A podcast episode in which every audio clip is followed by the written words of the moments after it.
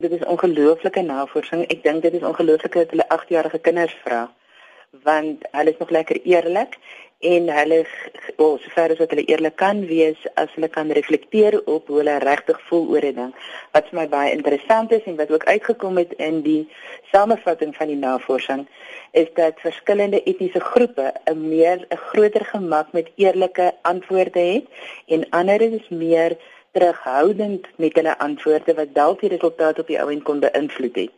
Party kultuurgroepe het 'n groter geneigtheid om baie reguit te wees, waar ander baie meer, um, ek wil amper sê sensitief is om hulle self heeltemal uit te druk. En vind dit interessant dat Suid-Afrika uit die lande wat deelgeneem het, lê ons pragtig hier redelik onder op elke liewe tabel wat sê ons kinders is gelukkig gerig, maar nie so baie gelukkig nie vir verskeidenheid redes. Wanneer jy na hierdie navorsing kyk, dink jy dit reflekteer wat regtig in Suid-Afrika aangaan op hierdie stadium? Die enigste navorsing wat in Suid-Afrika gedoen het was in die Wes-Kaap en dit was in gewone skole gewees. So, nou moet mense gaan kyk wat was daai teikengroep? Was dit verteenwoordigend van al die populasies van Suid-Afrika of was dit op 'n spesifieke deel in die Wes-Kaap gedoen? Ek dink tog 'n mens kan jy dan steur wat vir interessant was, dit het uitgekom dat die kinders hou regtig daarvan om skool toe te gaan en dit het ervaring by die Mindfulness Instituut kan ek vir jou sê in sosiaal minder gegoede omgewings is die skool amper 'n stabiele faktor in 'n kind se lewe. So hulle is 'n baie positief antwoord rondom skool want dit is ook baie keer waar daar 'n voedingsprogram is en so aan. En wat het uit hierdie navorsing na vore gekom oor Suid-Afrikaanse kinders? Hoe gelukkig is hulle?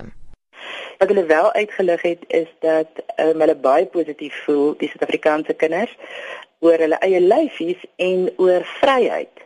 Maar dat hulle glad nie so baie gelukkig in ons land is oor hulle veiligheid nie en ook nie dat daar regtig vir hulle baie geleenthede is, speelplekke is. As jy dit nou vergelyk byvoorbeeld met Europa waar daar soveel moeite gedoen word met parke en instandhouding van parke en ontwikkelingsapparaat in parke en so aan ek dink die navorsing is baie interessant en ek dink die navorsing sê vir ons iets van kinders wat in die gewone skole is. En wat dink jy moet in Suid-Afrika gebeur om 'n omgewing te skep waar kinders meer gelukkig gaan wees? Ek dink regtig ons moet na ons onderwysbeleid kyk. Ek dink regtig ons moet ophou om van onderwysers administrateurs te maak en vir kinders die geleentheid gee om in 'n klaskamer te kan leer, maar regtig leer wanneer kinders kan leer, kan hulle aanpas by die lewe. Ek dink ons grootste probleem is nie die terrein buite nie.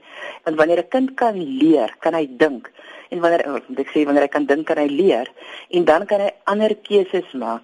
Gegee nou die navorsing wat hier gedoen is, dit is nou nie die hele land nie, maar dink jy daar is rede tot kommer vir Suid-Afrikaners?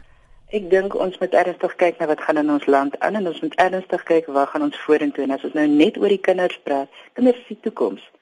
As ons kinders nie hoop het in hierdie land nie, waar gaan ons heen? En ek dink groot mense se se emosies en dit wat hulle oor praat, kinders skoei mos maar hulle persepsie op dit waarna hulle blootgestel word. So ek dink ons moet baie ernstig kyk na stabiliteit in ons land op watter vlak ook al, want dit gaan beursyfer na die kinders toe.